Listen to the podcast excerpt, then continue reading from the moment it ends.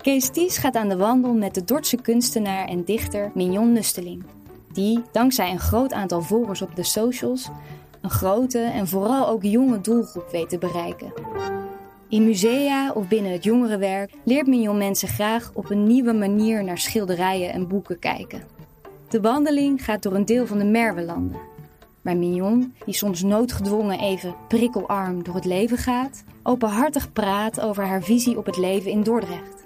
Over rust in je hoofd, over verwondering en, hoe kan het ook anders, over mooie dingen maken. Mignon heeft een uitgesproken visie op het leven. En Kees Dies had soms, zo verklaarde hij later, niet alleen letterlijk moeite om haar bij te houden. Oh ja, we kwamen ook een herder met wat schapen tegen. Hey Mion, leuk dat je mee wilt doen. Ja, dat ik onze- mag zijn. Ons experimentje, onze podcast. Ehm, waar zijn we eigenlijk? Bij, bij Stay Oké, maar dat is in de Merwelanden, toch? Ja, we zijn nu bij het hostel eh, in de Biesbos. Ik denk dat er veel Dordtenaren zijn. Nou, weet ik eigenlijk niet of veel Dordtenaren kamperen in hun eigen stad. Misschien zoeken ze het allemaal eh, wat verder weg. Maar Ja. eh, ik ben hier in ieder geval heel vaak. Ze hebben lekkere pizza's. Je kunt er goed zwemmen in, heel diep. Hebben ze hier in het hostel, eh, of in, in dat hostel hebben ze een restaurant ook? Ja, het, het, het was vroeger misschien een beetje agnebbes, maar tegenwoordig is het echt heel hip. Het is echt heel leuk. ja, Ja, als het om hip gaat, dan moet ik jou volgen hoor. Want eh, nou, dat weet ik niet. ik ben misschien het tegenovergestelde van hip. Maar Nou, ik heb een jong zusje en ik merk ook al dat ik eh, steeds minder weet hoor. oké, ja, jij hebt een Ja. hele leuke zus vind ik. Ik moet altijd vreselijk om haar lachen als ik haar zie verschijnen op jouw Instagram. Ja, ze is heel Filmpjes. droog. Ja, want eh, ja, wij kennen elkaar een beetje, dat moet ik even erbij zeggen voor de luisteraars. Maar niet, ook niet heel goed, maar we zien elkaar wel eens in de stad en we praten wel eens met elkaar, weet je. En eh, ik volg jou en misschien eh, kom je, zie je mij ook nog wel eens Ja, het is moeilijk om jou niet te volgen, Kees. Maar eh, ja, je bent vooral, eh, eh, of je bent eigenlijk voor de meeste mensen gewoon bekend als, eh, of misschien wel de, een van de bekendste beeldend kunstenaars eh, van deze stad. Of beschouw je je niet zo? Ja, wel hoor. Ik, ehm, ik beschouw veel dingen die ik doe, die mensen misschien niet zozeer als kunst zouden beschouwen, beschouw ik zelf ook al wel als een kunstuiting. Ja. De manier waarop ik heel eh, openlijk leef en eigenlijk ehm, alles deel, ook op Instagram, vind ik het tentoonspreiden van mijn emoties daar, vind ik ook een vorm van hedendaagse kunst. Als je dat op een hele uitgesproken manier doet. Ja. En ik denk dat hedendaagse kunst zich door ehm, internet en door social media ook heel erg opnieuw aan het vormgeven is. Ik denk dat we in een enorme transitie zitten. Dat niet elke, elk museum of conservator of, of wat dan ook nu al daar klaar voor is. Maar de hedendaagse kunstenaars mogen wel hedendaagse kunst vormgeven zoals zij dat zien, denk ik. En ik denk dat dat heel interessant wordt. Sterker nog, ik denk dat mijn generatie niet eens de interessantste daarin is. Veel meer de Gen zeg maar. De Gen Z-generatie die Ja. het helemaal anders gaat doen. Dus ik denk dat we voor de hedendaagse kunst hele interessante tijden aankomen, ja. Oh, dat vind ik wel mooi. Maar ben je daar altijd van bewust geweest? Eh, is dat, een, laten we zeggen, een, eh, mo- moet je dat conceptueel zien? Zoiets van, ik ga het zo doen? Of is dat, is dat allemaal toeval geweest? Nou, ik heb best wel veel volgers nu op Instagram. En ik ben dat account ooit begonnen als een soort performance art. Dus wat, ik, wat mij opviel aan het begin van Instagram is dat mensen daar. ehm, kijk, het was heel anders dan Facebook. Facebook was een soort bijna verlengstuk van het geboorteregister. En iedereen deed een soort updates alsof het een soort pers, kleine persberichtjes van zijn leven. Ja. En Instagram was opeens een heel visueel platform, ook voor mensen die helemaal niet heel erg met visuele uitingen bezig waren. Aan het begin van Instagram waren alle foto's nog vierkant. Iedereen gebruikte hele heftige jaren 70 filters. Ja, ja, ja. En ze gingen een soort van quasi-artistieke foto's maken van, ik weet het niet, half opgegeten pizza's op borden of eh, blikjes, blikjes energy drinken op lambrisering. Mhm. En langzaam kreeg je die cultuur dat mensen foto's van zichzelf gingen posten. Dus Ja. je mocht wat minder artistiek zijn, maar je mocht ook jezelf in de... Moeten we hier naar links? Of? Ik, eh, ik, ik, bij ben, ik ben hier nog minder bekend dan jij. Want Ja, jij dan- komt hier regelmatig met je, met je hond, hè? Ja, ik vind het... ik- we, kun- we kunnen nu kiezen tussen een zandpad of een eh, verhard asfaltpad. Maar dan gaan we het zandpad Ja, want we, zijn, we gaan nu eigenlijk richting... eh, we gaan nog dieper de Merwelanden in, zeg maar. Ik zeg dat even omdat er natuurlijk mensen luisteren... die willen dit misschien straks nalopen. Om het even te beschrijven. Nou, misschien moet jij dat wel doen. Jij bent toch meer de beschrijver, vind ik ook. Ehm, nou ja, de Biesbos bestaat natuurlijk uit, uit veel verharde paden. Wat ik eh, niet zonde vind. Dat vind ik juist heel prettig. Dat is heel toegankelijk. Dat zeg ik ook omdat mijn vader heel lang gehandicapt is geweest. En mijn broer eh, zit in een rolstoel. Dus ik vind het heel prettig dat ik hier zowel met de hond over die moerassige paadjes eh, omgeven door eh, boomstronken en brandnetels kan wandelen. Maar dat ik ook gewoon destijds met mijn vader of dus met mijn broer in een rolstoel net zoveel van de biesbos kan genieten. Dus Hij is Ja, toegankelijk, de ja, Biesbos. ja, absoluut. Althans, ja. dit deel van de Biesbos, de Merwelanden. Want jij, jij komt daar vaak, want ik volg jou op Instagram en ik zie jou vaak wel deze kant op gaan. Ja. Nou, niet elke dag, maar je doet heel veel. Je bent Nou, heel nog vaker dan ik online laat zien, denk ik. Ja. Ja, maar dat heeft ook een beetje met jouw persoonlijkheid te maken, denk ik. Volgens mij hou jij heel erg van, eh, van alleen zijn in de natuur of zo. Ja, ik denk dat, dat mensen ook op basis van, van bijvoorbeeld dat Instagram-account, wat dus ja, veel extravert, daar lijk ik denk ik veel extraverter en veel expressiever dan dat ik in het echte leven in communicatie ben. Ja, want zo kom je wel over inderdaad een beetje. Ja. Hè? Voor mensen die jou niet kennen, die denken, nou, die is wel erg open en, en openhartig over haar leven. eh, deelt eh, haar emoties heel erg met ons. Ja, D- dus leven we met je mee. dat Ja. heb ik wel een beetje, moet ik eerlijk zeggen. Eh, ook als het wel eens een keer niet goed gaat, dan laat je dat ook gewoon merken. ja. ja, dat is dus wel onderdeel van dat ik vind dat je je emoties niet per se heel abstract via een schilderij of een sculptuur hoeft te laten zien. Ik vind het, ehm, het onbegrensd en ongeremd leven Ja, eh, wel iets wat bij mij past en hoort. En waardoor ik mijn werk ook kan maken in de zin waarin ik het, eh, waarin ik het doe. Maar ik merk dus dat mensen dat wel heel erg verwarren met ehm, ook het leuk vinden om naar feestjes te willen gaan, op een terras te zitten. Eh, weet ik veel, eh, eh, ja, gewoon drukke plekken bezoeken of Ja. zo. Ja, ik, ehm, ik vind bijvoorbeeld Big Rivers een, een te gek evenement voor de stad. En het, het is echt iets waar iedereen naar uitkijkt. Maar ik moet heel eerlijk zeggen dat ik soms wel als stadsbewoner denk... Oh jeetje, ik raak heel erg overprikkeld. Ik moet nu echt even naar de Biesbos. nou ik zou je eerlijk zeggen, als Big Rivers is, dan denk ik altijd... Oh, nu gaat Mignon vast naar Zeeland of zo. Ja, dat doe ik ook wel eens. Ja. ja, dat is ook zo. En heel eerlijk, Ja? we lopen nu op dit moment eh, hier door de, door de Biesbos. En ja, dan geniet ik er echt van. Het is nu ochtends, de vogeltjes hoor je misschien op de achtergrond. Maar ik heb wel vorige week een bezichtiging gehad in Zeeland voor een huis. Ja. Ehm, en dat ging ook wel echt alle kanten op hoor, mijn emoties. Ik, eh, ik had het online gezien, ik was al stiekem af en toe een beetje aan het kijken. En dit was echt een heel schattig, leuk huisje op Schouwen-Duiveland. Mijn lievelingseiland ook. Ja. En eigenlijk een beetje impulsief, wat niet per se bij mij past, impulsieve dingen doen, heb ik de makelaar gemaild en gezegd dat ik wilde bezichtigen. Ja. Toen ben ik daar met een vriend naartoe gereden. Die vond het helemaal niks. Dat heeft hij ook enorm laten merken. Die, ja, het was echt een gat natuurlijk. Er was daar niemand. En ja, daar bloeide ik helemaal van op. Ik dacht, oh, wat is hier rustig. En hij dacht, oh, wat is hier vreselijk. En Ja. eh, het huisje was heel erg leuk. En nou, ik reed terug en ik voelde helemaal geen emotie. Helemaal niks. Niet van, oh, ik zou het heel graag willen. Niet van, oh, ik zou er niet doodgevonden willen worden. Ja. Toen ben ik heel erg gaan navoelen. Ja. En toen liep ik ehm, afgelopen weekend weer door de stad, over de haven met mijn hond. En Ja. toen was het zo druk en overal kwamen toeristen. Ja, je moet aan de Wolfweghaven volgens mij. ja, ik woon aan de op. Ja. Ja. Ja. En Ja. dat was natuurlijk een heel rustige plek. En ik snap ook dat je een stad moet delen. Ja. Eh, maar uit een soort noodbeweging ging ik dus naar, naar Schouwen-Duiveland. Ja. En ik werd opeens heel erg ongelukkig ook van het idee dat ik er helemaal niet meer zou zijn. Dus ik ga nu kijken of ik misschien mezelf een soort van kan opsplitsen tussen het Zeeuwse eiland en het Dordtse eiland. ja, we zouden die wel missen in Dordt hoor, Mignon. Dat Ja. zeg maar gewoon eerlijk. Ik dacht dat ik helemaal weg zou kunnen, maar, maar die bezichtiging, later kwamen dus, eerst voelde ik niks en later kwamen al die emoties en ik dacht... Wat heb je jezelf in je hoofd gehaald? Wat een naïeve gedachte dat je zomaar Dordrecht achter je zou kunnen laten. alleen nog maar via Instagram zien hoe het met je gaat. En dan zie ik jou daar langzaam, zie ik jou daar eh, Wegkwijnen in Wegkwijnen. Zeeuwse ellende. met Ja. een fles drank. Zo, Ja. weet je wel. Zullen we even naar het strandje lopen daar? Ja? Is dat te doen? Deze? Ja? Of kunnen we daar niet komen? Ja? Ja, dat is een pad. Want waar zijn we nu precies? Nou ja, dat weet je ook niet. Ja, maar- dit water heet het Moldiep. Dat weet ik wel. Moldiep? Ja. Oké. Volgens mij heb jij meer kennis van zaken als het om eh, de biesbos gaat dan ik. Nou ja, ik had vroeger ook een bootje, dus dan weet ik wel een beetje hoe die riviertjes heten. Dit is mijn eh, zwakke punt, de biesbos. Op de een of andere manier. Ja? Ja, ik weet er te weinig van. Ik ben echt zo'n eh, zo'n betontijger, weet je wel. Nou, eh, behalve dan dat ik gek op de Schelling ben, maar dat wist je misschien al. Maar maar dit, dit is toch wel weer mooi. veel muggen uh, Ja, onwijs veel muggen. Je maar ook veel bevers. Want met, met de hond kom ik wel eens in, in de Biesbos. Ja, ook in, in dat, dat andere stuk daar, weet je wel. eh, bij de kop van het land. Uit die Oh, kant de op. Elzen. Bij de Elzen. Ja. En dan ga je wel eens, neem je een flesje wijn mee en dan ga je wel eens een beetje picknicken. En dan valt me op dat er heel veel muggen zijn. Maar dat heeft natuurlijk met dat stilstaande water te Ja. maken.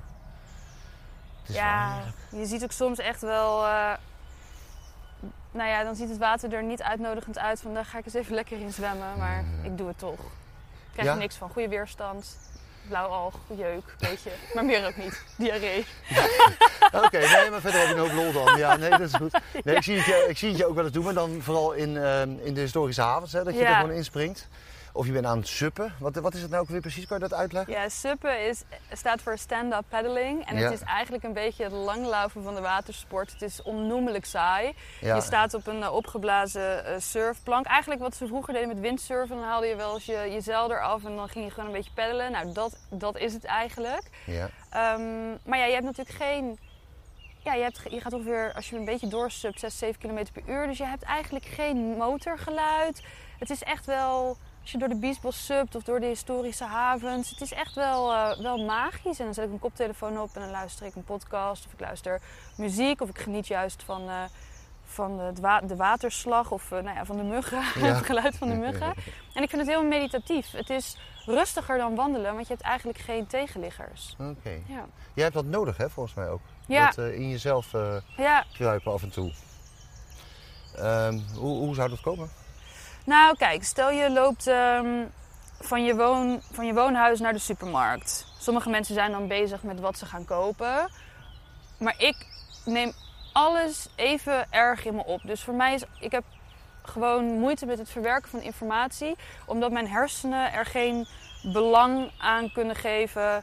eh, wat, die kunnen geen gewicht geven aan het belang. Dus voor mij is bijvoorbeeld iemand die zijn afval weggooit in zo'n ondergrondse container. Mijn hersenen absorberen dat net zoveel als wat ik straks moet kopen. Of dat ik uit moet kijken als er een auto aankomt. Of dat, welke kleur het stoplicht heeft. Dus doordat ik continu bewust moet zijn van... oké, ik moet kiezen voor de belangrijkste dingen. Dat is het verkeer. Of ehm, ben ik gewoon heel snel heel moe van, van de uitputting van mijn hersenen. Ja, Van de impulsen, die, Ja, die, die komen van de allemaal ja. even hard bij jou binnen. En daardoor is het misschien soms een gekhuis. ja precies. Ja, Ja. En dan staat er een soort van verkeersleider in mijn hoofd de hele tijd te zeggen... let op het verkeer, let op het verkeer. In plaats van let op de man met de vuilniszak. Let op... Dat is wel heel vermoeiend. En als ik dan in de natuur ben, dan, eh, ja, dan zijn er al heel veel prikkels weggenomen. Je hoort wel vogels en je hoort ook wind. Af en toe vind ik ook moeilijk. Maar geen andere mensen waar je geen controle op hebt. En nu staat er een, een of andere kerel tegen je aan te houden. Ja. is dat dan eh, eh, moeilijk of juist niet? Of denk je van, nou ja, eh, Kees ken ik wel een beetje. dus Nou, dat, dat scheelt al wel. En toen ik de uitnodiging voor deze podcast kreeg, dacht ik wel... Oh jee, wandelen, praten, eh, door de stad, alles tegelijk. Nou, dat wordt helemaal niks. Dat, dat kan ik helemaal niet. Dus los van dat ik enorm van de Biesbos hou... is het ook echt wel een vereiste om dit gesprek te kunnen voeren... om het in een prikkelarmere omgeving te doen. Ja. Ja. Nou, nou ben ik geen, eh, geen deskundige op dat gebied, maar eh, we hebben elkaar wel eens ontmoet in het kader van een, eh, een, een van de actie rondom autisme. Ja. Dit is een vorm van autisme. Dit valt Ja. binnen het autisme spectrum. Ja, ja. Heeft mij nog nooit iemand goed kunnen uitleggen wat autisme nou is. Zou jij dat willen proberen? Nou, het is heel lastig om dat uit te leggen, omdat het. er is dus inderdaad, zoals je al zei, een heel spectrum. En dat spectrum. Ehm, nou, vroeger had je noemde je dat bijvoorbeeld. De ene variant heette PDD-NOS, de andere variant heette Asperger bijvoorbeeld. Maar tegenwoordig gebruiken ze die term- termen niet meer. Je krijgt een soort van persoonlijke. eh, in je diagnose een soort persoonlijk overzicht van het spectrum. Ehm, wat ook wel eh, eh, prima is. Ik probeer eigenlijk niet meer te zeggen dat ik Asperger heb, omdat aan de ene kant ehm, eh, wordt het omschreven als high functioning, wat ook een beetje vervelend is tegenover andere vormen van autisme, maar ook ehm, omdat je daardoor toch soms overschat wordt. Dat mensen denken, oh ja, maar dat is high functioning autisme, dat, dat, dat lukt haar wel of zo. Ehm, en ook omdat degene die Asperger, zeg maar, ehm, benoemd heeft, of in ieder geval dat, dat, dat zo omschreven heeft, dat heeft ook een beetje, een, nou een beetje gewoon, het heeft een nazi-achtergrond. Het was dan een arts die zei van oké, deze mensen zijn niet autistisch genoeg om dus uh, afstand van te moeten doen. Dus het heeft een hele vervelende connotatie. Ehm, dus het is heel moeilijk om nu te zeggen, ja, wat is autisme precies? Maar het is eigenlijk een, een, een informatieverwerkingsstoornis uh, die zich op verschillende manieren kan uiten. Uh, overprikkeling is natuurlijk iets wat heel veel voorkomt. Maar er zijn ook mensen met autisme die heel erg last hebben van onderprikkeling. Zelf ervaar ik dat bijvoorbeeld heel erg met eten. Ik kan eigenlijk alleen maar dingen eten die heel knapperig zijn, heel pittig zijn, uh, heel zuur zijn, heel erg gefermenteerd zijn. Vegetarische frikandellen bijvoorbeeld? Ja, nou daar moet dus een gesneden uitje op. Want anders vind ik het te okay. veel van hetzelfde. Moeten we het ook nog even over hebben, over vegetarische ja. frikandellen? ja. Nee, dus even, het schoot even te binnen. Ik, ik, ik lag daar vannacht aan te denken. Ik denk, als ik Mignon zie, moet ik vragen, waar koopt zij nou haar vegetarische oh, ja. frikandellen? Want die dingen van Mora zijn gewoon niet te hachelen. Nee, nee, dat klopt. Nee, en waar hou jij ze dan? Nou, um, die van de Albert Heijn, het ja. thuismerk, dat zijn mini frikandelletjes. Die zijn eigenlijk het beste. Oké. Okay. Ja, en die zijn zelfs nog helemaal veganistisch ook. Dus er zit geen enkel dierlijk product in. Oh, prima. Maar die zijn wel dan klein. Dus het zijn dan... Ja, dat maakt me niet zo nee. uit. Want ik vind de, de kroketten vegetarisch wel lekker van Mora. Ja. Maar die frikandellen, die heb ik laatst geprobeerd, vond ik echt niks. nee, en Bekkers heeft, die heeft echt de allergoorste. Oké. Okay. Ja, die zou je bijna willen proberen om te denken, zo, dat was echt wel heel erg. Ja. ja, ik vind het mooi dat jij dat al zo prachtig presenteert in jouw Instagram verhalen en met foto's. En, en soms ben ik heel erg jaloers en denk oh wat lekker, dat wil ik nu ook. En, uh, maar, maar, soms denk ik, oh ja, ja nee, uh, volgens mij wordt het zelf ook niet zo'n succes. Ja. nee, meestal zeg ik het wel eerlijk. Ja, dat vind ik juist leuk. We stonden net bij het water, we lopen weer even door. Even terugkomend op dat uh, autisme verhaal. Mm -hmm. Beschouw je dat nou zelf als een belemmering in je leven of is het juist een, een gift? Want het, volgens mij heeft het jou ook veel gebracht. Uh, dit is dus een heel um, um, een moeilijk onderwerp, ja. of een hele moeilijke vraag, omdat het is altijd voor mij een enorme belemmering geweest. Ja.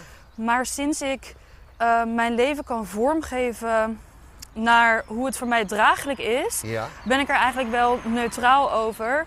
En kan ik ook wel benoemen waar ik profijt van heb. Maar als je ik zeg eigenlijk altijd: um, stel je hebt autisme of je hebt iets anders waardoor je een dobbelsteen voelt in een knikkerbaan, dan ja. is dat natuurlijk altijd heel lastig. Het gaat wel, als je maar hard genoeg er tegenaan duwt, zal er echt wel een dobbelsteen door een knikkerbaan kunnen. Ja. Um, maar ja, het gaat gewoon niet vanzelf. Het is er gewoon niet voor ontworpen. Dus ik heb nu een soort van mijn eigen dobbelsteenbaan weten te bouwen. Zowel qua werk als qua nou ja, huis ben ik nu natuurlijk Ja. bezig met Zeeland.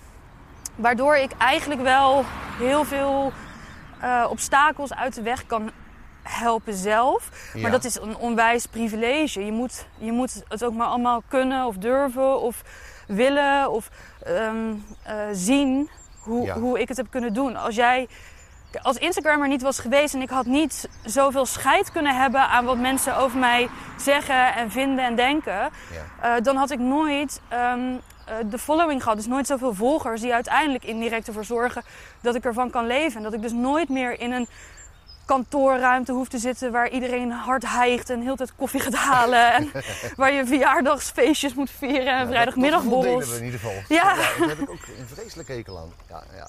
Maar, maar eh, want jij kan ervan leven, dat betekent, eh, jij promoot via Instagram. Nee, Eh, nee. Ja, dat is zeg maar de soort van... Ik kom heel even op het verharde pad lopen. Ja, en laten we ook wat zachter lopen. Oh, sorry. Ja. Ja, jij bent veel jonger Ja, dan ik, dus jij loopt hartstikke hard. Iedereen klaagt over mijn looptempo in het leven hoor. Dus. Ehm, Ja. Nee, ja, je hebt zeg maar op Instagram de typische influencers. En dat zijn mensen die inderdaad producten ehm, laten zien, wat zij gebruiken. En Nee, ik die krijgen jij er daar geld voor. dat snap Ja. ik. Ja. Nee, nee dat, dat, dat bedoel ik ook niet. Maar eh, eh, ik neem aan dat jij niet betaald wordt voor het aantal accounts wat je op Instagram hebt, toch? Nee, nee, wat ik eh, doe is dat ik. ehm, nou, er zijn eigenlijk twee dingen waar ik geld aan verdien, die eigenlijk indirect via Instagram wel komen. Ja. Eén daarvan is dat bijvoorbeeld musea zien natuurlijk dat ik gevolgd word door veel mensen die eigenlijk niet echt uit zichzelf naar het museum gaan. Ja. Wel ergens geïnteresseerd zijn in kunst, want ze luisteren naar wat ik vertel, maar ze hebben toch iets meer een soort van die persoonlijke ambassadeur nodig om ze ook daadwerkelijk binnen die museumdeuren te krij- op muren te krijgen. Ja. En dan vragen ze bijvoorbeeld of ik een thema rondleiding geef, of dat ik een workshop kom geven, of dat ik een, een educatieprogramma met jongeren doe. Ja. Dus via en dankzij de mensen die mij volgen ehm, op Instagram eh, eh, krijg ik bijvoorbeeld dat, krijg ik van die cultuur-educatieklussen. Veel in Ehm. uh, Dordrecht Museum, maar waarschijnlijk ook elders. Ja, Dordrechts Museum is wel, ja, dat staat me gewoon dicht aan het hart, want het is mijn stad. Ja, Ja. maar ook wel ergens anders. Maar Dordrechts Museum heeft wel een speciaal plekje in mijn hart. Begrijp ja. ik heel goed. Ja.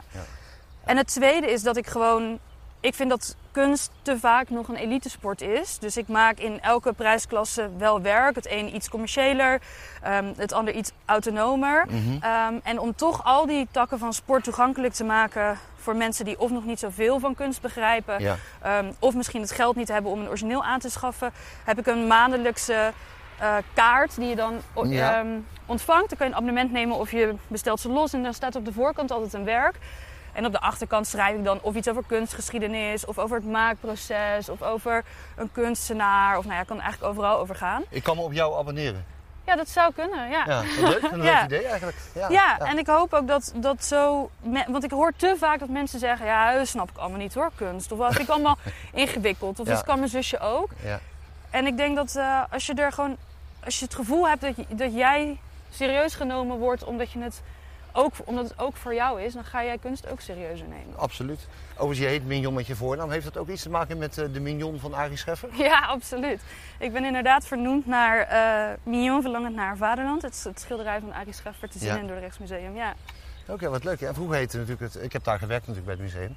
Ehm, eh, ik heb de PR daar een jaar of vijf gedaan. En toen hadden we ook nog een soort café buiten. Dat heette ook Mignon. ja, daar heb ik Ja. nog een suikerzakje van.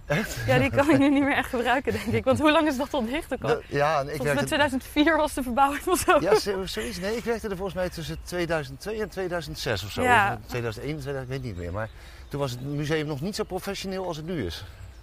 En nu gaat Nee. Peter Schoon alweer bijna weg, volgens Ja. mij. Ja. Ik heb het idee als Peter dat er daar ook niet meer is. Peter Schoon, de directeur van het museum. Die het museum ook toch wel, vind ik, naar eh, zekere hoogte heeft gebracht. Mhm. Geprofessionaliseerd. Ja, ik ben benieuwd wie dat dan gaat eh, overnemen straks. Of hou je daar helemaal niet mee bezig? Nou, ik hou me er wel mee bezig, maar ik vind ook wel. ehm, ik vind het ook wel interessant. Ja, ik hou er wel van als er af en toe even iets nieuws gebeurt. Ja, Ja. dat, dat, ja. Ja. Ik wil niet over Rutte beginnen of over Poetin of wat dan ook. En ik wil Peter Schoon ook absoluut niet vergelijken met deze politici. Maar ik denk wel, eh, je ziet het ook wel bijvoorbeeld bij eh, lokale televisie of radio's. Als soms te lang dingen hetzelfde gaan, ehm, dan is het ook wel goed om, omdat het... Kijk, en dat zeg ik niet omdat het niet goed gebeurt, maar dat zeg ik ook omdat uitingen van of voor de stad, zoals een lokaal museum, zoals een lokale televisie, zoals eigenlijk eh, alles wat lokaal is, dat is van iedereen. En de stad verandert, Ja. en de burger verandert, en de, het algemene sentiment verandert. Mhm. En als dan een directie of een organisatie of een samenstelling niet verandert, dan vind ik dat eigenlijk een beetje, ja, bijna een middelvinger naar, naar de Ik, samenleving. ik snap het. Ja, Ja. ik begrijp precies wat je bedoelt. Overigens, eh, even voor de podcast. We zijn nu aanbeland bij, ja, ik zie een huisje met een rieten dak. En eh, weet jij wat dit is allemaal? Ja, dit is het Biesbos Centrum. Ja, En eh, hier is ook het Beverbos, waar je nooit een bever ziet. Dus laat je vooral niet lokken. bevers zien we alleen op YouTube nog. toch? Ja. Nee, ik heb een bever gezien. Ja. Ja. ja, en ze zijn hier nu een klimbos aan het, eh, aan het timmeren. Dus dan kun je zo'n parcours door de lucht eh, binnenkort Oh afleggen. ja, kijk, ik zie daar al iets hangen daar in de lucht. Ja, wel leuk. Ja. Oh, wat leuk zeg. Hey. langzaam wordt Dordrecht een soort Disneyland met allemaal attracties. Volgens, volgens mij is de hele wereld voor jou al een beetje een soort Disneyland. ja, zeker. Ja. Volgens mij kijk jij daar ook op die manier naar. In plaats van op de manier waarop heel veel mensen naar kijken. Eh, Volgens mij ben jij iemand die heel erg gebruik maakt van, eh, van de eh, creativiteit die er in jou zit. En de mogelijkheden die, eh, het gewone leven jou eigenlijk biedt. Dus jij gaat daar een stap verder in. Of zie je dat, analyseer ik dat verkeerd? Nou, ik, ik weet niet zo goed hoe ik het moet interpreteren. Maar ik, ik merk nu bijvoorbeeld door corona... Ja, Ehm, waarin we ehm, tijdens deze opnames nog steeds eh, in een lockdown zitten. ja. Ehm, dat aan de ene kant verbazen mensen mij qua creativiteit. Dus dat ze dan inderdaad met dat wijntje aan de kade gaan zitten. Terwijl ze dat misschien normaal dan heel afgebakend op een terras doen, omdat Ja. dat hoort. Aan de andere kant, als ik dan merk wat ik voor reacties ik krijg op Instagram, dat mensen zeggen: hoe kom je erop als ik echt voor mij iets heel normaals doe? Eh, als in, eh, weet ik het, met uh, rolschaats ergens naartoe en dan eh, met de waterbus terug of zo. Dan denk ik ook: oh, je kan toch zo er is zoveel. Waarom doen jullie allemaal hetzelfde? Waarom ga je inderdaad op zondag hier door, door het Beverbos en de Biesbos lopen... terwijl je ook een kano kunt huren en die bever in het wild kunt gaan spotten? Het is, het, ja... Ik, ik snap al wat je bedoelt, ja. Ik heb het wel vaak hoor, als ik naar jou uh, kijk op Instagram dan. Dat ik dan denk, oh, ja. Ja, nee, dat had ik ook kunnen doen. Dat is echt waar. Dan, Ja. dan zit ik uh, tv te kijken of zo. Dan zit ik uh, wat Formule 1 race te kijken, wat ik leuk vind. En dan denk ik van ja, maar Mion die loopt nu in, in de Merlanden. Dat is eigenlijk veel leuker. Ja. en dan heb ik hier twee uur op de bank gezeten. Ja, ja. Maar ja, ik zeg het maar gewoon eerlijk. Ja. Nou, Hey. ik- wat ik wel eens doe is dat ik voetbal luister via de radio en dan naar buiten ga. Dat is ook wel, vind ik, een soort leuk ouderwets... eh, Een stuk spannender is het dan Ja, ook, ik vind dat heel erg Ja. leuk. Ja, zeker ik- bij Rijnmond doen ze dat echt goed. Ja, die doen het zeker goed. Ja, vroeger had je daar Hans van Vliet. Heel vroeger had je natuurlijk Theo Komen, maar dat kun jij vast Daar niet ben ik echt... eh, nee. Nee, nou Theo Komen die kon van een wandeletappe in het wielrennen kon die een eh, spectaculaire sprint maken. Ja, dat is echt spannend. En dan kun je Ja. wandelen of je gaat even lekker, weet ik veel, schaatsen, rolschaatsen. En dan audio op. Ja, leuk. Hey, hier, hier, hier zijn die sporen van het klimbos te zien. Zullen we er even Ja, gaan kijken? Ik zie allemaal eh, ja, stenen liggen en hout. En, ja, en, en bomen waar geen toegang op staat nu. nee. ja. Hey, trouwens, even iets anders. Die- Dat hele, dat hele corona, die hele pandemie. Mhm. Eh, als ik nou jouw verhaal beluister van de net, hè, eh, van de prikkels. Ja. Ik denk van, volgens mij is pandemie, of is corona voor jou niet eens zo per definitie iets heel slechts. Nee, eh, dat, dat vind ik eh, lastig om te zeggen, omdat er natuurlijk heel veel mensen zijn die er heel veel eh, last aan ervaren. Financieel, emotioneel. Ik heb ook mijn eerste corona-uitvaart meegemaakt, waar dus ook niet geknuffeld mocht worden. En dat, dat was echt verschrikkelijk. Maar als we het echt over prikkels hebben en we hebben het over ehm, hoe verduidelijkt de wereld is, dat je nu wel weet waar je moet afrekenen en dat er wel. Bewegwijzering is in supermarkten, wat ik gewoon heel erg nodig heb, om, Ja. omdat anders te veel onduidelijke informatie is. Ja, wat dat betreft is het voor mij wel prettiger te gedijen, ja. Oké. En mis je het knuffelen? Nee, ik knuffel sowieso niet. Je was niet eh, zo'n knuffelaar? Ja, water Ja, leuk. Water. ik zat even te kijken naar de route. Maar ehm, nee, ik, ehm, nee, ik knuffel eigenlijk eh, niet. Nee, ja, dat, dat, dat was niet, eh, niet je ding, zeg maar. nee. Oké, dus, dus wat dat betreft, eh, Maar ik zie wel bijvoorbeeld mijn oma die, die het knuffelen mist. ja. Ik zie dat leed echt wel ehm, in, haar, in haar ogen. Ja. Dat, dat, dat ze het niet kan. En dan merk ik dat ze soms mijn broertje of mij zo een beetje zo aan mijn arm Ja, vasthoudt. En dan merk ik dat zij daar wel heel erg last van heeft. Dus ik vind het heel erg voor andere mensen wel, ja. Volgens mij gaan we nu de verkeerde kant op. ja hè? We, we zijn van het Ja. eh, geëikte pad afgegaan. We lopen nu op houtsnippers, maar... Ja, dat voelt, Nee. dat voelt wel lekker aan trouwens. Ehm, maar zeg jij maar waar we naartoe Ja, ik moeten. denk dat we naar rechts moeten, We want moeten duurt deze podcast een wel heel lang. Ja, precies. We moeten een soort rondje maken, hè, dat mensen het ook na kunnen lopen. Overigens, eh, laten we nog eens verder gaan met beschrijven. We, lopen nu tussen bomen door waar, waar allerlei constructies aan bevestigd zijn. En daar kun je straks waarschijnlijk inklimmen. En dan kun je via die balken waarschijnlijk Ja. langs de bomen kun je dan een soort wandeling maken, neem ik aan. ja, je kunt dan gezekerd kun je inderdaad een soort parcours eh, afleggen in de lucht. Wat leuk. Maar je moet ook niet bang zijn om te vallen. Maar wel geweldig, zeg hé. Jeetje. Dit wordt natuurlijk één eh eh, ki- gillend kinderfeestje van de zomer. Nou, dat lijkt me dan ook wel weer leuk daar om te zien. gaat de biesbos. Ook daar de rust verdwenen. Kom je hier ook wel eens s'nachts? Eh nou, eh, ja, nou, s'nachts. ehm ik slaap wel eens in de biesbos. Of ik, eh, en dan moet ik natuurlijk de hond uitlaten. Of ik ga s'avonds voor de bevers. Ehm, ik kan niet zeggen dat ik hier om vier uur s'nachts uh, Blair Witch Project na eh, speel. Nee. Maar Nee, dat had ik ook niet gedacht. ja, nee, maar ik vind het heel erg mooi hoe de natuur eh, verschilt. Ook per tijdstip. Met zonsondergang kleurt dan het water helemaal. Alle kreekjes kleuren dan roze. En je ziet dan bevers zwemmen aan het superstille wateroppervlak. En ja, de getijden zijn natuurlijk ook prachtig. Soms ligt het zo braak dat je gewoon over het Moldiem naar de overkant zou kunnen lopen. Ja, het- het- het- je moet de Biesbos zeker op verschillende tijdstippen gaan ervaren. Ja. Ja, want wat mij opvalt, hè, we wonen in een stad van rond de 118.000 mensen, die steeds drukker begint te worden. Ja. Hij wordt ook drukker, want we moeten naar 140.000 eh, inwoners. Binnen nu een jaar of twintig volgens mij. Eh, we wonen in de Randstad, althans in het zuidelijkste puntje van de Randstad, waar miljoenen mensen wonen. Mhm. En dan kom ik af en toe in de Biesbos, en jij dus veel vaker dan ik. Maar... En dan denk ik van, goh, wat maken er eigenlijk weinig mensen gebruik van?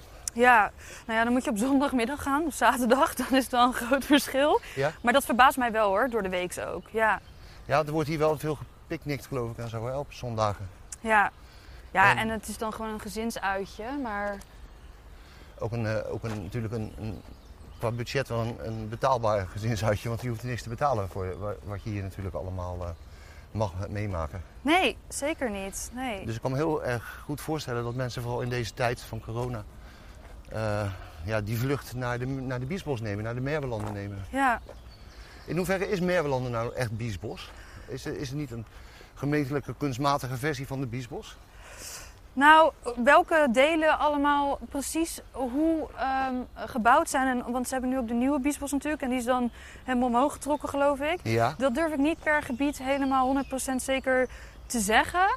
Ehm, maar eh, eh, ja, ja ik, er is wel een hele mooie docu gemaakt natuurlijk, Levende Delta. En daar Ja. wordt dat heel, heel goed in uitgelegd. Welke ehm, stukken gecultiveerd zijn en hoe ze dat... Want die bevers die hier zitten zijn volgens mij ook uitgezet ooit een keer in Ridderkerk. Eh, en nu is de beverpopulatie heel groot groeiend. Dus alles wat we als wild zien is volgens mij ook wel een soort door de mens toch wel meer beïnvloed dan we misschien denken. Maar daar, daar, hoe dat echt precies allemaal zit, daar, eh, daar kun je misschien beter boswachter Thomas Ja, over ja, vragen. die, gaan we ook, die is ook eh, onderdeel van deze Ja, podcast. oh, dus die leuk. komt ook. Ik kan je als oudere heer wel één ding vertellen. Ik was ooit be- beginnend verslaggever bij de Dordtenaar. En toen eh, moesten wij naar de Merwelanden komen, naar dat biesboscentrum waar we dus net langs kwamen. En er werden eh, eh, officieel de eerste twee bevers uitgezet.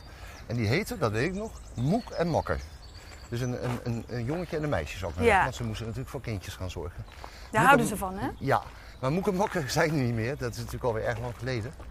En volgens mij hebben we inmiddels nou, zoveel bevers hier dat, dat er weer overwogen wordt om er af en toe eens weer een paar weg te halen. Nou, het is inderdaad wel echt een, eh, een groot probleem wordt het. En eh, een stukje verderop van waar we nu lopen, daar is ook zo'n eh, wilgenlaantje. Ja, Nou, vroeger stonden daar allemaal kaarsrechte wilgen en nu is het een soort van domino-day.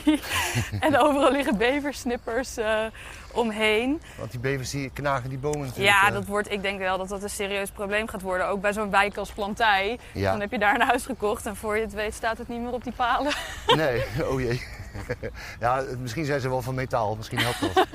Oh, Nee, ik maar zie het nu waar we zijn. Ja, we zijn bij de, ja. bij de, Bij de zwemplas. de zwemplassen, want daar is het ook altijd zo druk hè, ja, op zondag. ook als het heel veel blauw oog. Wil je eigenlijk, als je ergens niet wil zwemmen is het hier, maar dat maakt de Dordtenaar niet uit. Oké, aangezien we een rondje maken, moeten we dan niet hier linksaf? Ja.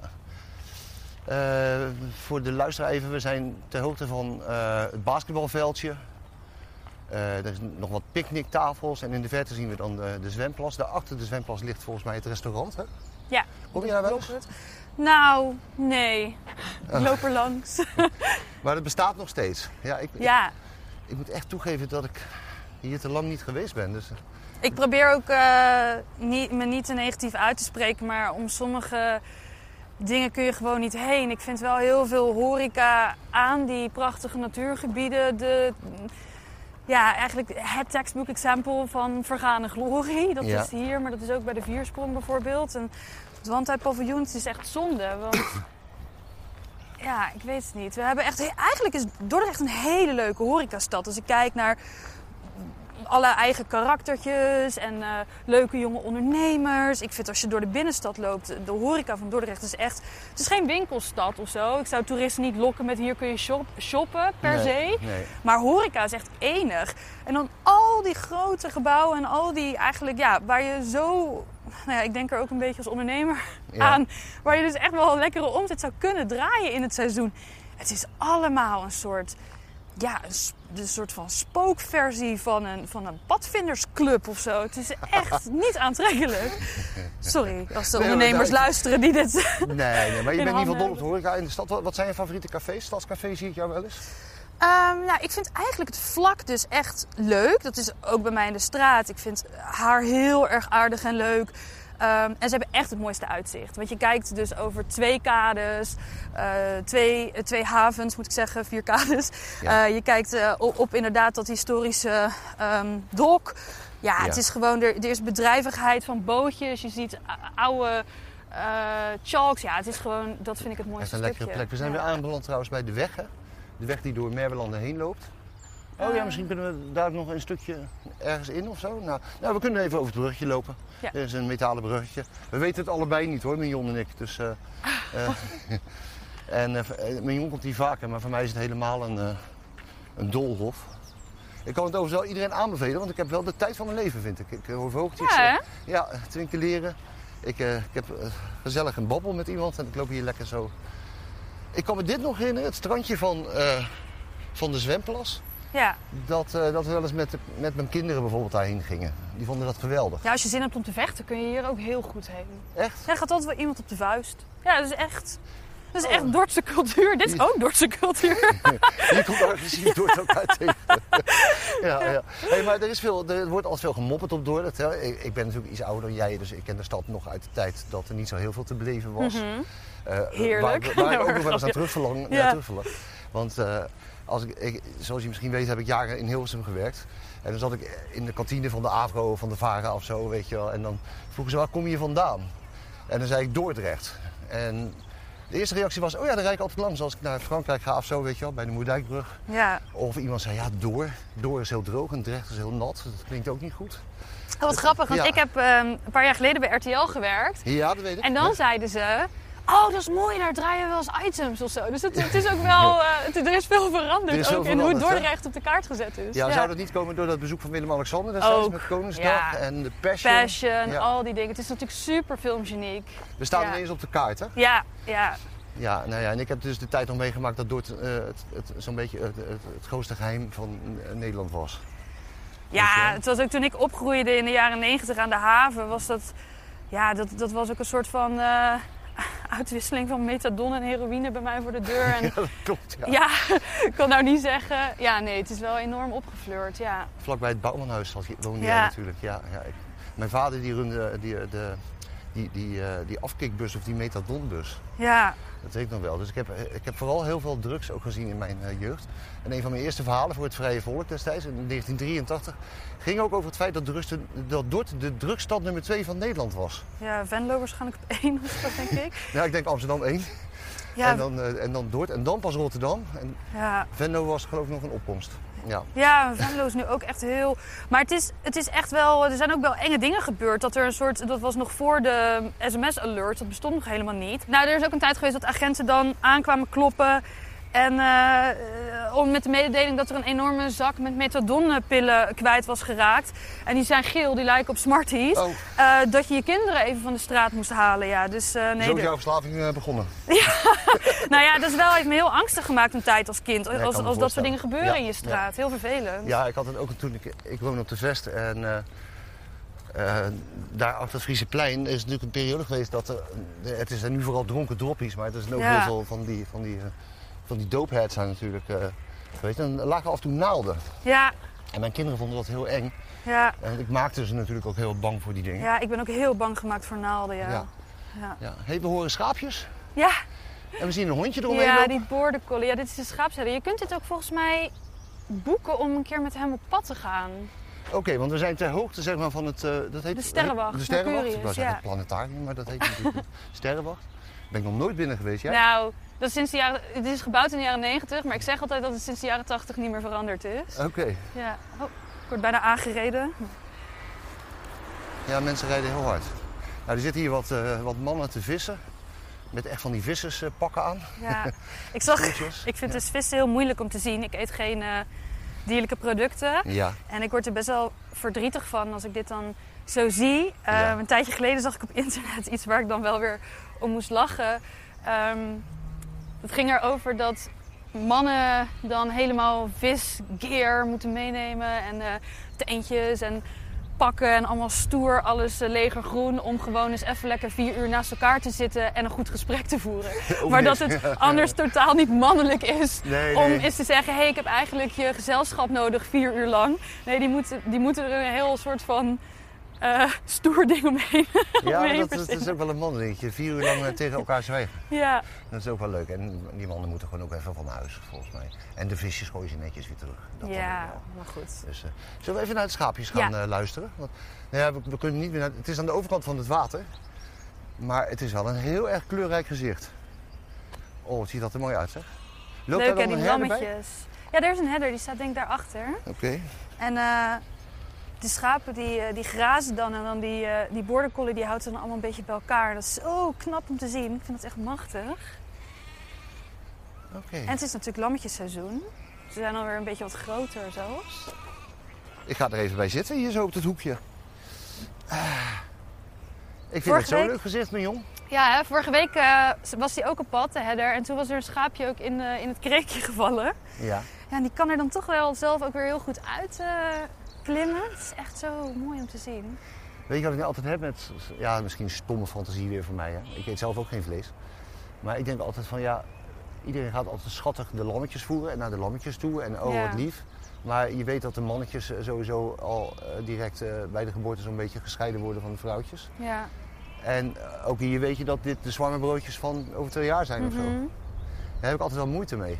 Maar Ik ook, ja. Zeker. Kijk, hier mogen de lammetjes dan bij de kudde blijven. Dus je ziet nu een lammetje hier recht voor ons. Die ligt echt van het zonnetje te genieten. Nou, ik wou dat ik Oh, zo'n ja, leven had. Oh, Echt jammer het- dat dit, dat dit alleen maar Ja. beeld... eh, Nou ja, die oogjes is. zijn helemaal tot spleetjes geknepen. En gewoon zoals echt alleen maar een babytje kan genieten.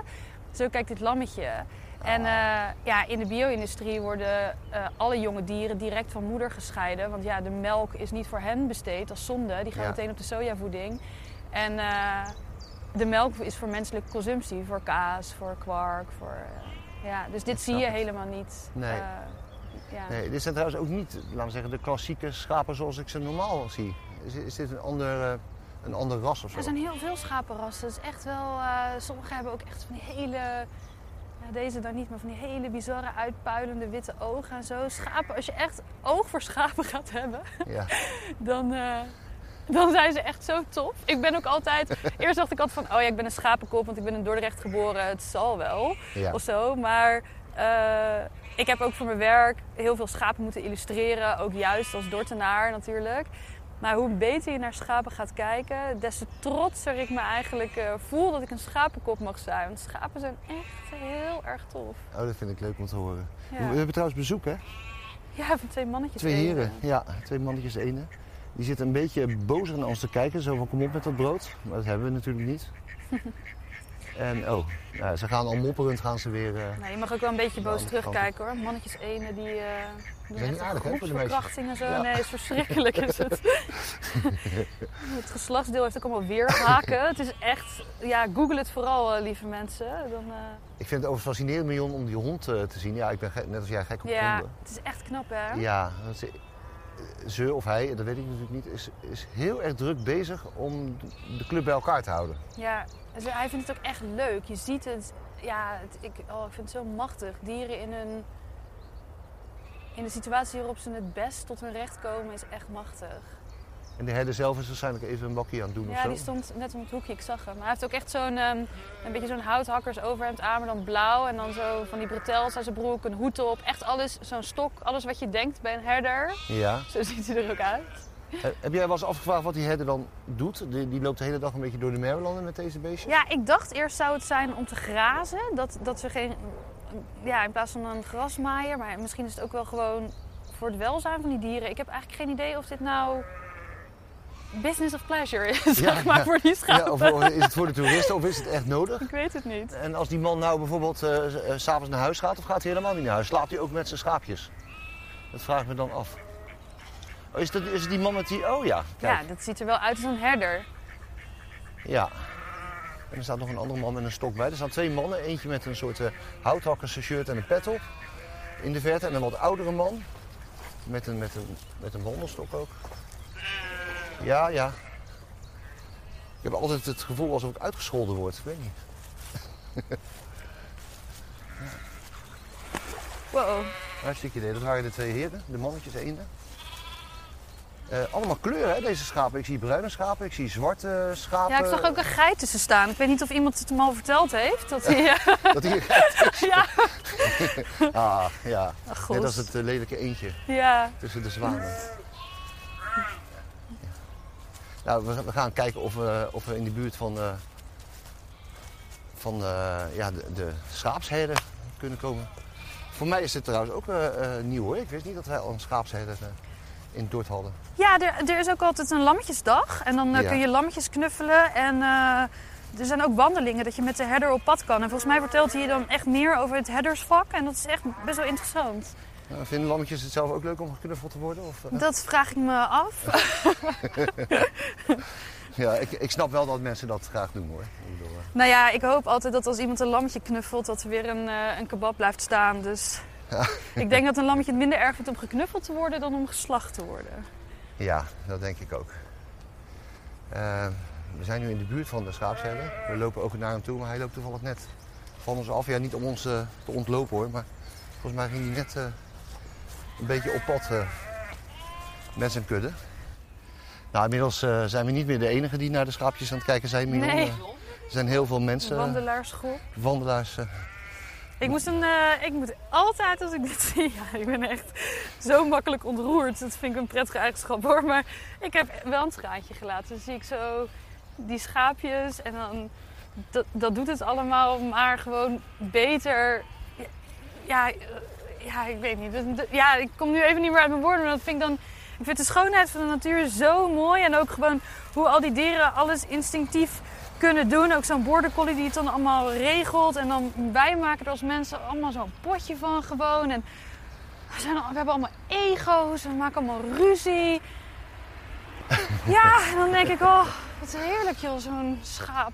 Ik moet wel zeggen dat jouw ontroering ontroert mij dan weer. Ja, maar dan Ja. zie ik gewoon zo'n lammetje komt dan op me af, echt gehuppeld gewoon. En dan, ja, dan, dan ontroert me dat enorm. Ja, speciaal voor de luisteraars. eh Marion had een enorme fan, zag ik. Het was een hele leuk, Ja. een heel leuk schaap. en die had een oogje op uh, Marion. Ja, Je zou, je zou hem ook zo... Of ze, of eh, wat was het? Een meisje, denk ik. ja ik, ik heb er niet helemaal naar huis? gekeken. Nee, ik ben er ook niet zo goed in. Volgens mij heet een mannetje, heet dat, heet dat niet een rammelaar ja, of zo? eh, ja, nee, een ram, een rammelaar is een, een haas. Oh ja, Een mannetje- ja, ja die is zo stom, hè? ja. ja. Ik ben echt zo'n betontijger, joh. een, ram is natuurlijk een, eh, een ma- mannetjes... Je hebt eh, ook meteen zin om te douchen nu langs die schapen hebt gelopen. nee, daar heb ik last van. nee, ook als betontijger dan kun je wel tegen een beetje vuil, toch? Ja, Ja. ik- niks zo goor als de stad, toch? Dat, dat bedoel ik. Nou, we zijn inmiddels eh, weer bij de, bij de zwemvijver ehm, en bij het restaurant. Waarvan ik me alleen nog maar kan herinneren dat je daar na een lange dag aan een strandje liggen wel eens eh, voor heel veel geld een fantaatje ging halen of zo. Ja. Of een Ja. ijsje wat al 40 jaar in een Russische vrieskist lag. Ja, precies. Dat is echt nooit geweest. Maar dit is toch wel het nationale uitje van Dort, hè, volgens mij. Ja. Ja, Nou, het is ook best wel een aardige speeltuin waar we nu doorheen lopen. Met echt wel wat grotere eh, klimobstakels en zo. En ook zo'n, eh, ja, hoe heet zo'n, zo'n afzwiep Oh, ding. zo zo'n je- pannenkoek waar je op kan zitten en dan... eh, oh ja, en dan, dan kan je opstaan of zitten en dan kan je dan, ja, zo'n via soort een skilift-achtige... kabel ga je dan, ja. Ja. Ja, ik kan me herinneren dat mijn zoontje toen hij nog heel klein was dat heel stoer vond, ja. Het gekke is dat, we horen nu wat geluid. Dat heeft te maken met werkzaamheden die hier gaande zijn. Ik dacht dat men ook weer eh, vervuilde grond aan het ophogen is of hoe dat dan zit. Ja. En daar moet geloof ik dan weer een soort skibaan komen, dacht ik. ja. En eh, ik, ik kan me voorstellen dat als je deze heuvels opklimt, dan zie je aan de andere kant volgens mij Sliedrecht liggen. Of Papendrecht. Eh, moet ik even nadenken. Ehm, eh, eh, ja, Ja. dat klopt. ik zat gisteren nog op het water. Ja. Dus toen zag ik alles vanaf de andere kant. Ik was met een speedbootje aan het varen. En het is zo eh, verwarrend wel. Ik ben dan toch... eh, ja. ja. Water, het- Dordt is een stad van water. Terwijl we deze podcast opnemen is het ongeveer 600 jaar geleden dat de, de Sint-Elisabethvloed plaatsvond. Dat is ook een beetje de aanleiding tot deze column. En natuurlijk 800 jaar geleden, nu inmiddels 801, dat deze stad werd opgericht. Eh, maar water is volgens mij de ziel van Dordt. ja, dat denk ik ook. En nou ja, het ligt er denk ik ook... Ja, als stad zeker. Ook voor de Dortenaar denk ik een beetje afhankelijk van waar je bent opgegroeid. Ik denk dat je het misschien iets minder voelt als je... Ik weet het niet... eh, nou, Dubbeldam heeft ook nog wel wat slootjes. Maar ik denk dat het wel afhankelijk is van waar je dan opgegroeid bent. Maar er kwam me echt een heel mooie term ter oren. Dat heet... Want ik heb dus... Als ik... eh, nou, ik vind bijvoorbeeld Arnhem ook een te gekke stad. Ik vind Groningen een te gekke stad. Ja. Ehm, maar toch, als ik dan lang in het bos ben geweest... Ja. dan verlang ik naar het uitzicht op groot open water. En dat is dat doet echt iets met mijn vrijheidsgevoel. Ja. Ik voel mij minder vrij op het moment dat ik eh, omsloten ben door bomen. Terwijl dat ook een wijds gezicht kan geven. Of heide. Ik heb de postbank een keer op eh gewielrend. Dat is 240 hoogtemeters. Ja? Ja, dus het is prachtig om te fietsen. Heide, het ligt Frankrijk wel. En dan ga je naar, dan daal je af en dan zie je natte varens. En echt een heel bijzondere ervaring. En ik dacht, ja, het miste water. En Ja. toen hoorde ik dus de term landlocked blues. En dat is dus de depressie die je voelt op het moment dat je een, eh, geen water om je heen hebt. Dus dat je ook je opgesloten voelt in nou ja, of een betonnen stad of een bos. Maar gewoon het gebrek aan vrijheidsgevoel door het gebrek aan water. Dat, dat heb ik echt heel erg. Ja. Nou, je hebt nou iets geleerd en je beschrijft eigenlijk ook een beetje mijn leven. Want ik heb dat ook, hè. Eh, ik ga heel graag naar de Schelling en dan moet ik de zee zien. Ik moet Ja. voortdurend bij de zee zien. Mijn moeder en mijn oma komen uit Monsen. Dat ligt bij, eh, bij Naaldwijk daar, bij, bij Poeldijk, weet je, het in het Westland. Hondenstrand. Ja, en ook daar kwam ik dus heel vaak vroeger. En nu heb ik, eh, als ik, als ik heel erg lang niet bij de zee ben geweest... We hebben dit jaar ook geen vakantie gevierd, dus ik ben niet naar de Schelling geweest. We gaan in september pas weer. Eh, dan moet ik naar het Rivierenpunt om in ieder geval die wijte te aanschouwen. Het Ja. water en de wijte. Ja, Landlocked Blues. Landlocked. Blues, Ja. ook geweldig. En er is een heel mooi liedje gemaakt door eh, Bright Eyes. Ja? Eh, die, dat heet Landlocked Blues. En daar zingen ze in I found a liquid cure for my landlocked blues. En daar bedoelen ze dan niet de zee, maar natuurlijk de drank mee. Zo prachtig. Heerlijk. Nou, die ga ik gelijk opzoeken. Ja, we zijn inmiddels alweer zo'n beetje aan het teruglopen. We lopen om de vijver heen naar eh, de plek waar eh, onze auto's eh, staan. Hè. Dat is daar bij, bij het, het- hoe heet dat ding? Bij Stay Oké. Stay. Ja. Ik heb zelf een podcast over de sociaal ongemakkelijkheden als een van je ouders overlijdt. Maar dat is ook wel, wel, er zit ook wel humor in. Het is niet heel zwaar of zo. En die zijn heel kort. Ja. Maar dan, dan merk ik inderdaad ook wel dat, dat mensen dat met elkaar luisteren meer of zo. Als een soort van, ja, meer inderdaad. Als, ik wil gewoon ook iets voor als ik de hond ga uitlaten. En dit is dan meer alsof je even een voorstellingje gaat kijken of zo. Ik merk dat mensen anders. Dan zie- ik ook dat ze het luisteren op de tv met, met bijvoorbeeld drie mensen of zo tegelijk. Oh, doe ik Wel ook wel eens, bijzonder, ja. ja. Of ik zet hem gewoon op mijn, eh, hoe heet dat, die box die bij mijn tv staat. Dat Ja. eh, ding, ja. Eh, oh ja, daar staan we ergens, hè? Ja. Hier, hier zijn we begonnen, toch? Met Ja. jou? Of was het nog verder? Nee, dat is hier. Oké. Ja. Het Voor mij is er heel veel is hetzelfde. allemaal groen, hè? Heel veel bomen en zo. Allemaal groen-blauw. Je moet me ook niet vragen van wat voor bomen zijn dat, weet je wel. Weet jij dat dan wel? Nou, niet van allemaal, maar. ik heb wel gewoon vrij school gedaan, hè? Dus dan. Ik denk altijd gras, boom, lucht. Ja. Ja, ja. We zijn weer terug bij de weg. En Mignon eh, die gaat nu over een eh, tak springen. ja. Om weer bij het pad te komen waar we uit, uiteindelijk ook begonnen wa- waren. Ja, we hebben een beetje een maffe route gelopen, geloof ik. We hebben een beetje een maffe route gelopen, dat klopt. Maar dat vind ik juist wel leuk. Ik kan het wel iedereen aanbevelen. Hey, even over je eigen kunst nog, eh Mignon. Ik, Ja. ik herinner me nog bijvoorbeeld van jou, maar voor, misschien is dat al lang allemaal achterhaalde kost, Mhm. dat je alle snackbars van, eh Ja, van Dort eh ging klopt, ja. schilderen. Ja, dat heb ik inderdaad gedaan. Ja. Nou ja, niet allemaal, want het was een beetje. Dat, dat, dat had ik heel stoer gezegd dat ik dat ging doen, maar het bleek er toch iets meer te zijn dan ik. eh, dan ik dacht. Oh, daar schrok je dus van. Nou, het sentiment was ook heel grappig. Want op een gegeven moment kreeg ik echt een soort van boze e-mails. Waarom zit Snacky er nog niet tussen? Ik noem maar iets. En dan, Ja, ja, het, eh, daar kom ik nog niet aan toe. Ja, eh, maar die hoort er wel bij hoor. Of zo. Echt, je eigen snackbar waar je dan heen gaat, Ja. zeg maar, is toch een soort... Ja, het is echt een sentiment waarvan ik niet wist dat het, dat het er was. Heel leuk. En hoe ging je dat dan doen? Ging je daar naartoe om eerst te fotograferen of zo? Nou, ik ben dus overal een patatje gaan eten. Oké. dus En je- eh, heel vaak vond ik het niet lekker, want ik hou dus niet van die patat die van aardappelzetmeel gemaakt is. Ik wil echt eh, aardappelen. Sommige mensen vinden het juist andersom lekkerder. ja, Bram Ladage of zo, dat is echt toch? Ja, ja bijvoorbeeld. Ja, Ja, ja. Dus nee, ik heb overal hetzelfde besteld. Zo grappig. Want ik wilde eigenlijk ook iets eerst nog met de bonnetjes doen. Dus ik heb overal hetzelfde besteld aan drankje en saus en patat. Ja. En ik wilde nog iets met die bonnetjes gaan doen. Maar je weet hoe dat gaat. Het belandt in een doos en dan ben je alweer zes projecten verder. Dus, eh, Ja, want hoeveel heb je er nu eh, geschilderd? Oh god, dat zou ik eigenlijk niet eens durven Was zeggen. toch gewoon maar volgens eh, mij kun- eh, 26 of zo.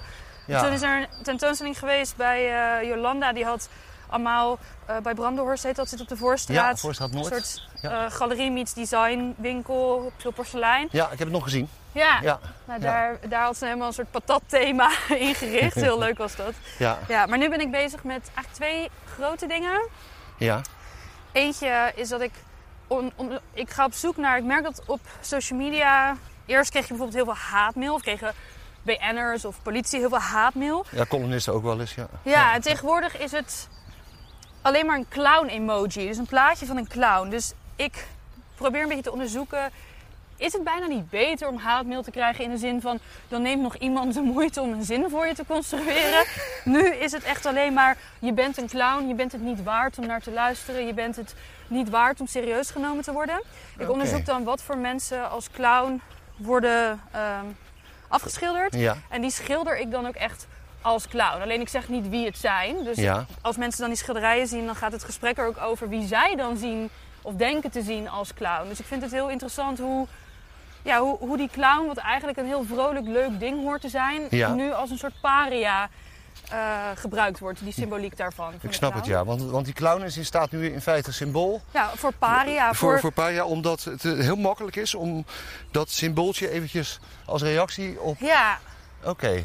En, en dus mensen nemen niet eens meer de moeite om tegen jou te zeggen dat ze je een eikel vinden en waarom ze je een eikel vinden en hoe ze je gaan vermoorden. Ja, precies. Ja.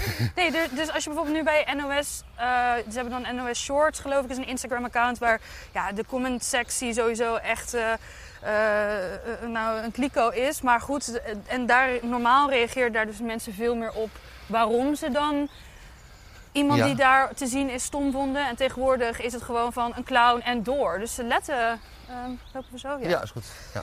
Ze letten er eigenlijk gewoon.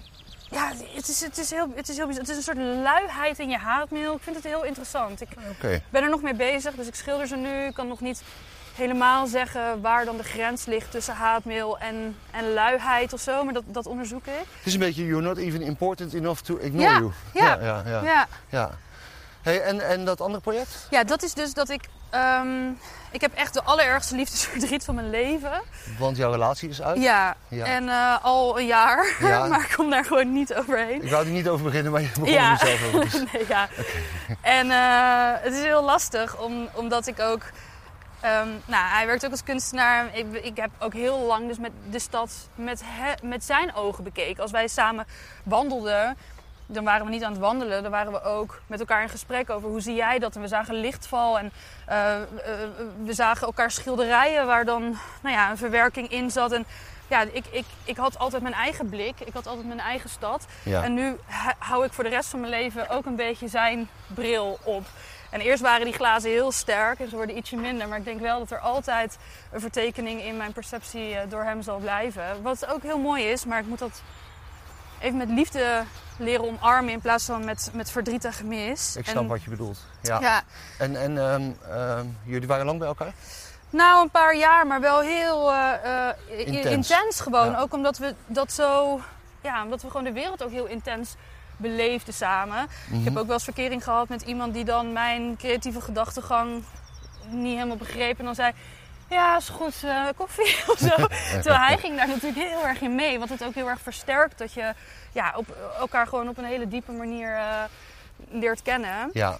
En nou ja, dat liefdesgevoel, dat liefdesverdriet, dat knaagt zo aan mij dat het bijna voelde alsof het een extra orgaan was wat ik, wat ik had. ja. En wat ik met me meedroeg. En wat eigenlijk juist groter werd door telkens die schilderijen opnieuw te gaan bekijken. Of telkens iets over hem te maken. Of de muziek te luisteren. ehm, al die dingen. Ja. Dus ik ben dat orgaan gaan vormgeven. Eerst klein en nu, ik denk 2,5 bij 1,5 meter of zo. Waar je echt helemaal in kan en omheen Met kan. olieverf? Of met, eh, Nee, dat is echt helemaal mixed media. Dus ik heb het Ja. helemaal opgebouwd. En ehm, met papier, maar ook met epoxy en lak. En echte botten van dieren zitten er ook in. Eh, die heb ik gekregen van de boswachter. Ja, het Mhm. Ja. gaat echt... Ja, het is een enorm ding gewoon, ja. Jeetje. We zijn er weer bijna eigenlijk, hè? Nou, dan lopen we via het harde pad terug. Ik denk dat we die eens een beetje maar gaan afsluiten, Mion. Eh, ik denk dat we ruim een uur eh, gelopen hebben. Misschien nog wel anderhalf uur, ik weet het niet.